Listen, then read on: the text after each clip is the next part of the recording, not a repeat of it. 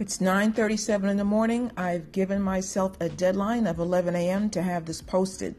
I'm nervous eating right now. Had cherries, cereal, and blueberries.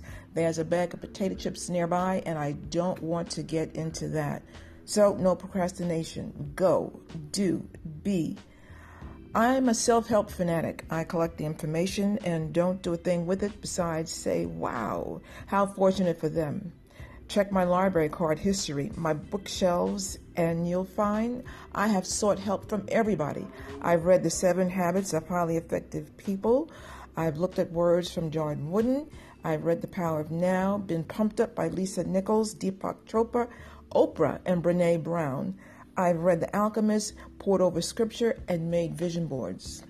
One common thread in these self-help books is how if you make a step forward towards your seeking, the universe will show up and deliver. You're right, I said, and just read on.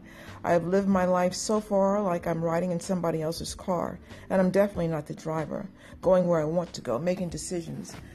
I kept thinking I wish I could tell people about this feeling of being a passenger in somebody else's car, and how to get into your own car, go in your own direction. I started thinking about speaking and how to reach people. Not that I knew how, I wanted to work on it. So I started reading about speakers, and the next thing I knew, I felt compelled to attend a communications event. And a complete stranger told me about podcasting and this site called Anchor, and it was free. Was this the universe talking? I refused to do too much research as I can get happily lost in that. So I signed up on Anchor and signed on, and I'm stumbling through it. What was my call to arms to get me talking? Let's say that last car ride. It was one hell of a ride, nail-biting and horrific, a ride to top all rides, choice and decisions, not minds, and it woke me up. I don't have a mountaintop story to tell yet. This is real time, people. I'm working it out in real time, finding me out loud. I'll show you what it looks like and feels like for me, and maybe you'll see yourself, and we can get free. Be bravely driving out our own cars. It's 2:26 p.m. I didn't make it to the 11 a.m. deadline. I stalled. I took a shower, got dressed, walked the dog, sauteed zucchini, but something I read recently made me come back to commit to me.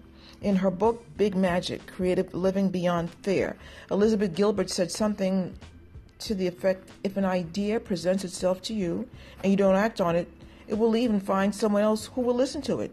I don't want my idea to go anywhere but here. I might even mess around and add some background music. So I'm on my way looking for my car. I think I see it waiting for me in the parking lot. I will get there. And when I do, I know it will also have something to do with The Wizard of Oz, The Velveteen Rabbit, and Woody and Jessie.